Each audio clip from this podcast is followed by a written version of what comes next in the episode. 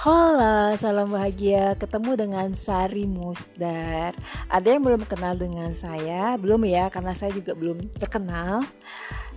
Saya mau kenalin diri dulu, Sari Musdar.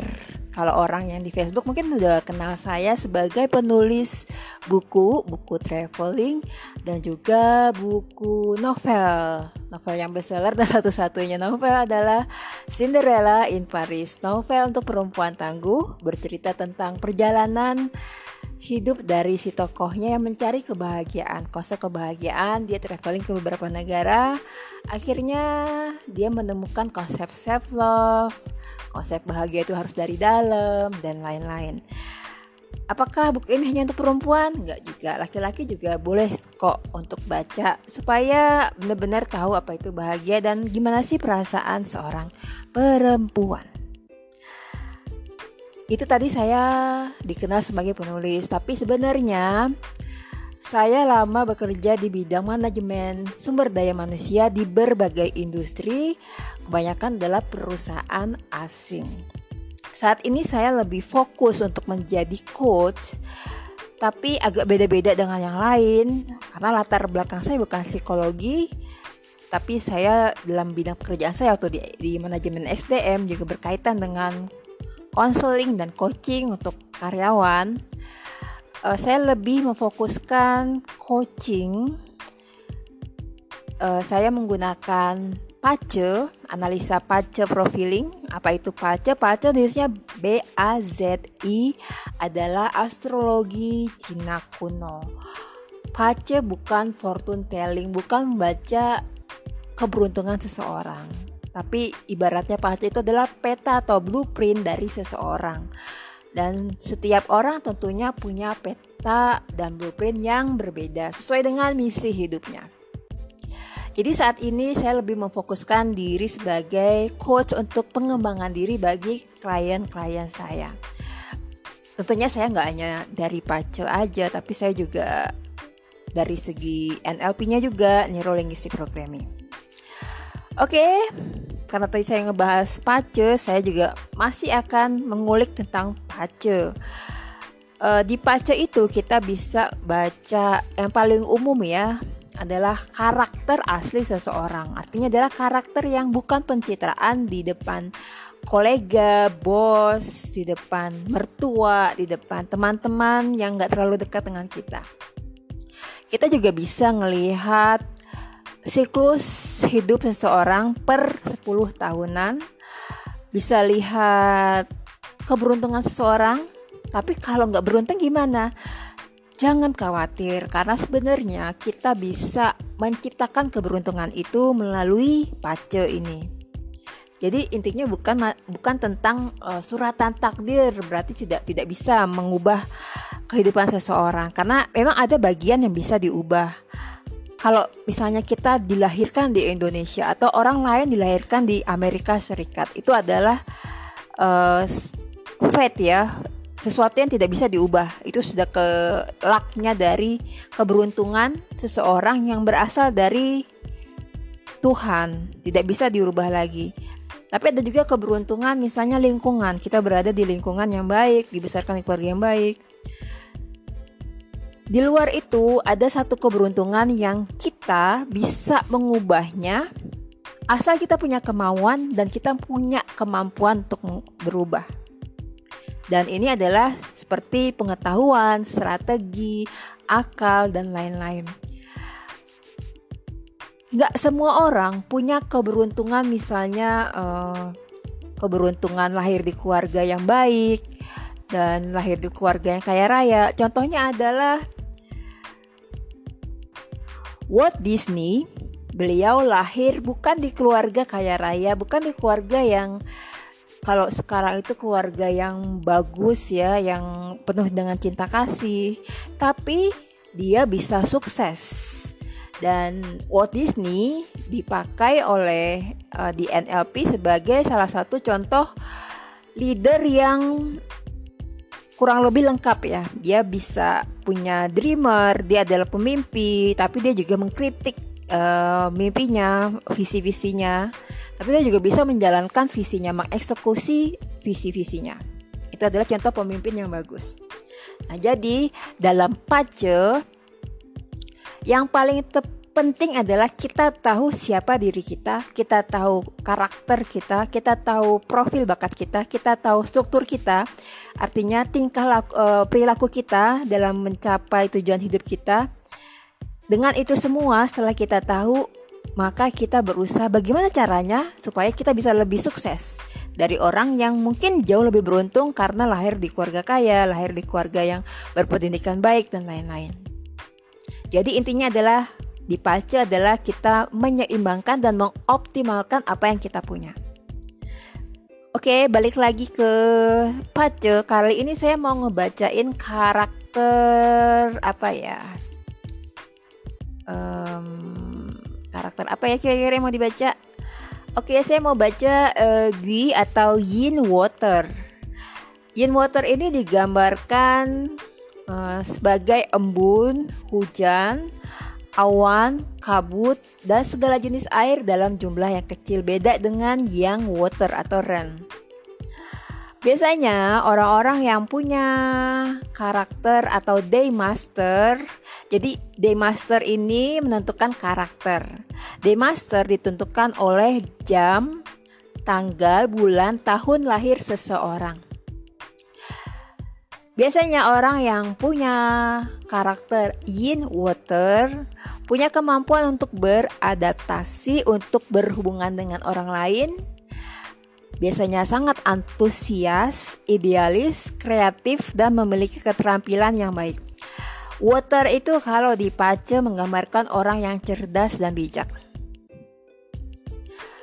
Biasanya orang-orang yin water menyukai ide-ide baru terutama yang dapat membantu umat manusia dalam skala yang lebih besar. Dari dari luar uh, kelihatannya orang-orang yin water ini terlihat lembut dan naif. Tapi dari dalam biasanya orang-orang ini adalah kokoh dan bijaksana.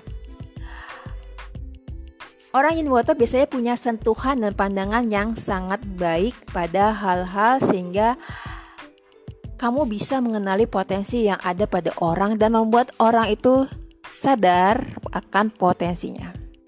Oh iya, biar teman-teman bisa ngebayangin orang yin water atau gi ini seperti apa sih? Kita bisa lihat yang terkenal adalah Jackie Chan, Jimmy Fallon, pembawa acara, Manny Pacquiao, uh, petinju ya, Reese Witherspoon, artis, Elton John, uh, Ronaldinho, pemain sepak bola terkenal, Giorgio Armani, desainer, Johnny Depp, uh, Alicia Keys, penyanyi, Seal, dan Dolly Parton. Sorry ya agak lompat-lompat. Nah, orang yin water biasanya adalah pemikir karena water adalah lambang kecerdasan dan kebijakan dan suka mendiskusikan masalah intelektual tertentu dan mampu menghasilkan kesimpulan yang bermakna dari semua hal yang diamati. Kadang teman-teman yin water susah untuk memahami orang yin water karena agak complicated dan mereka biasanya sering mengunci diri. Walaupun mereka biasanya adalah orang yang baik sebenarnya, aslinya baik, cuma ya gitu nggak nggak nggak open gitu ya. Uh, orang in water biasanya lembut dan nggak suka melukai perasaan orang lain karena nggak suka konflik.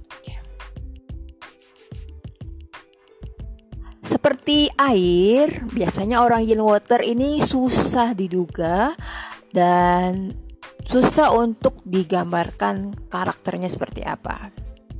Kadang-kadang terlihat ceria, kadang-kadang terlihat uh, kayak sendu gitu ya, bekas seneng duit. Sehingga kadang-kadang orang yang gak kenal dia dekat akan kesulitan untuk uh, menilai orang yin water Orang yin water karena seperti air, dia punya uh, dia suka kebebasan berpikir. Tapi masalahnya pikirannya itu kadang-kadang random, nggak fokus. Nah, ada bagusnya sih orang-orang uh, yin water ini belajar untuk lebih fokus, memilih mana pikirannya yang harus uh, diprioritaskan. Orang yin water pada umumnya berbakat dalam penulisan atau storytelling karena punya pikiran yang imajinatif. Jadi kalau teman-teman punya day master yin water, teman-teman mesti kursus atau belajar storytelling bisa otodidak misalnya kan sekarang banyak ya di YouTube misalnya. Uh, untuk orang yin water jangan terlalu mikir terlalu pada satu hal terus menerus dipikirin karena bisa menyebabkan rasa khawatir dan cemas. Kalau orang in water sudah bisa fokus, maka dia akan bermanfaat, proses berpikirnya akan bermanfaat untuk orang lain dan dia bisa memotivasi orang lain. Orang-orang yin water kebanyakan penuh ide dan antusiasme. Mereka biasanya bisa menghasilkan ide-ide out of the box dan bisa menginspirasi orang. Se sepanjang elemen airnya kuat. Kalau misalnya elemen airnya di natal chart atau di apa grafik kelahirannya kurang kuat, maka ini nggak akan muncul. Jadi elemen air ini harus dikelilingi oleh elemen-elemen yang mendukung. Elemen yang mendukung air adalah antara lain logam, karena logam menghasilkan atau mendukung air. Orang in water bisa pandai dalam satu hal, bisa jadi pakar dalam satu hal, tapi karena tadi ya pikirannya random, terus minatnya kadang-kadang berubah, jadi agak susah untuk menjadi mencapai uh, posisi pakar. Jadi sarannya adalah untuk anda yang day master Yin Water, ada harus fokus dan fokus fokus fokus pada pikiran dan juga pada minat anda. Minimal lima tahun sekali uh, fokusnya pada satu minat. Tapi, tapi juga ada sisi positif dari yin water. Selain cerdas dan bijak, yin water biasanya bisa melihat sesuatu dari sudut yang berbeda. Sisi negatifnya jadi kurang konsisten dan eh, nggak uh, sabar. Sisi positif lainnya dari seorang yin water adalah punya kekuatan tertentu untuk mempersuasi, mempengaruhi orang melalui percakapan. Dan biasanya kalau dia berhasil untuk mempengaruhi orang dengan kata-katanya, dia akan tambah rasa percaya diri.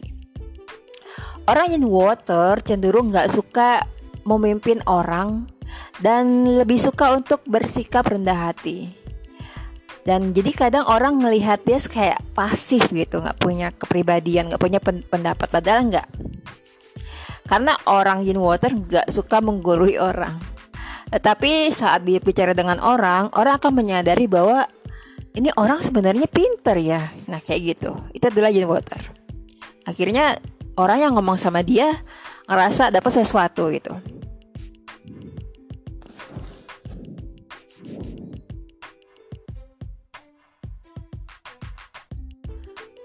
Orang in water juga punya intuisi dan naluri, punya kelebihan di bidang ini.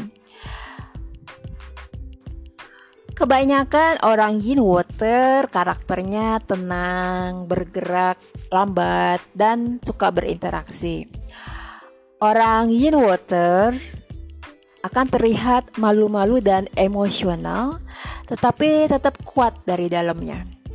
Orang yin water biasanya akan menyelesaikan berbagai hal dengan cara yang lembut dan akan sangat romantis.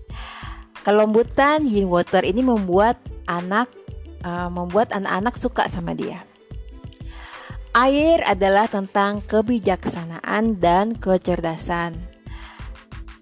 Orang yin water biasanya adapt adaptif, mudah beradaptasi dan imajinatif dan mereka pandai menjaga rahasia.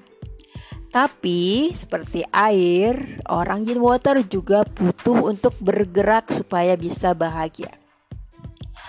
Jangan coba-coba untuk menantang core belief dari seorang yin water karena dia bisa langsung bersemangat yang tadinya kelihatan kalem, kelihatan pasif.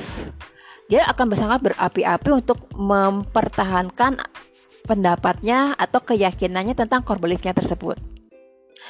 Jadi biasanya walaupun kita nyangka orang yin water itu kelihatan pemalu dan pendiam, tapi kalau ditantang terutama tentang core beliefnya dia akan memiliki keberanian untuk melakukan sesuatu yang kelihatan berani gitu loh. Kayak orang kayak orang logam. Padahal enggak orang yin water saat di karir. Hal yang mesti diubah saat ada di tempat kerja atau di karir anda mesti mengurangi sifat yang kelihatannya kurang konsisten dan kelihatannya murung karena ini ya karena diem. Padahal nggak murung sebenarnya orang yin water cuma orang salah tanggap aja Orang water adalah tipe yang dapat melakukan segala jenis pekerjaan rahasia, mata-mata, detektif atau pekerjaan polisi, pekerjaan penelitian ilmiah dan menjadi ahli geografi atau ahli kelautan, penjelajah dan pemburu harta karun. Biasanya orang yin water kurang bahagia jika dia harus 100% berada di belakang meja. Oke, itu sebagian kecil dari karakter yin water atau Gui. Jika teman-teman merasa podcast ini bermanfaat, nambah info, nambah ilmu, mohon jadikan podcast Sari Musdar atau Empat Stories menjadi podcast favorit dan berdermalah dan berbagilah dengan teman-teman di medsos uh, tentang info ini silakan kalau memang bermanfaat share di medsos teman-teman. Kalau ada pertanyaan silakan kontak saya di DM di Instagram @sarimusdar. Semoga semua makhluk berbahagia. Terima kasih sudah mendengarkan Sari Musdar.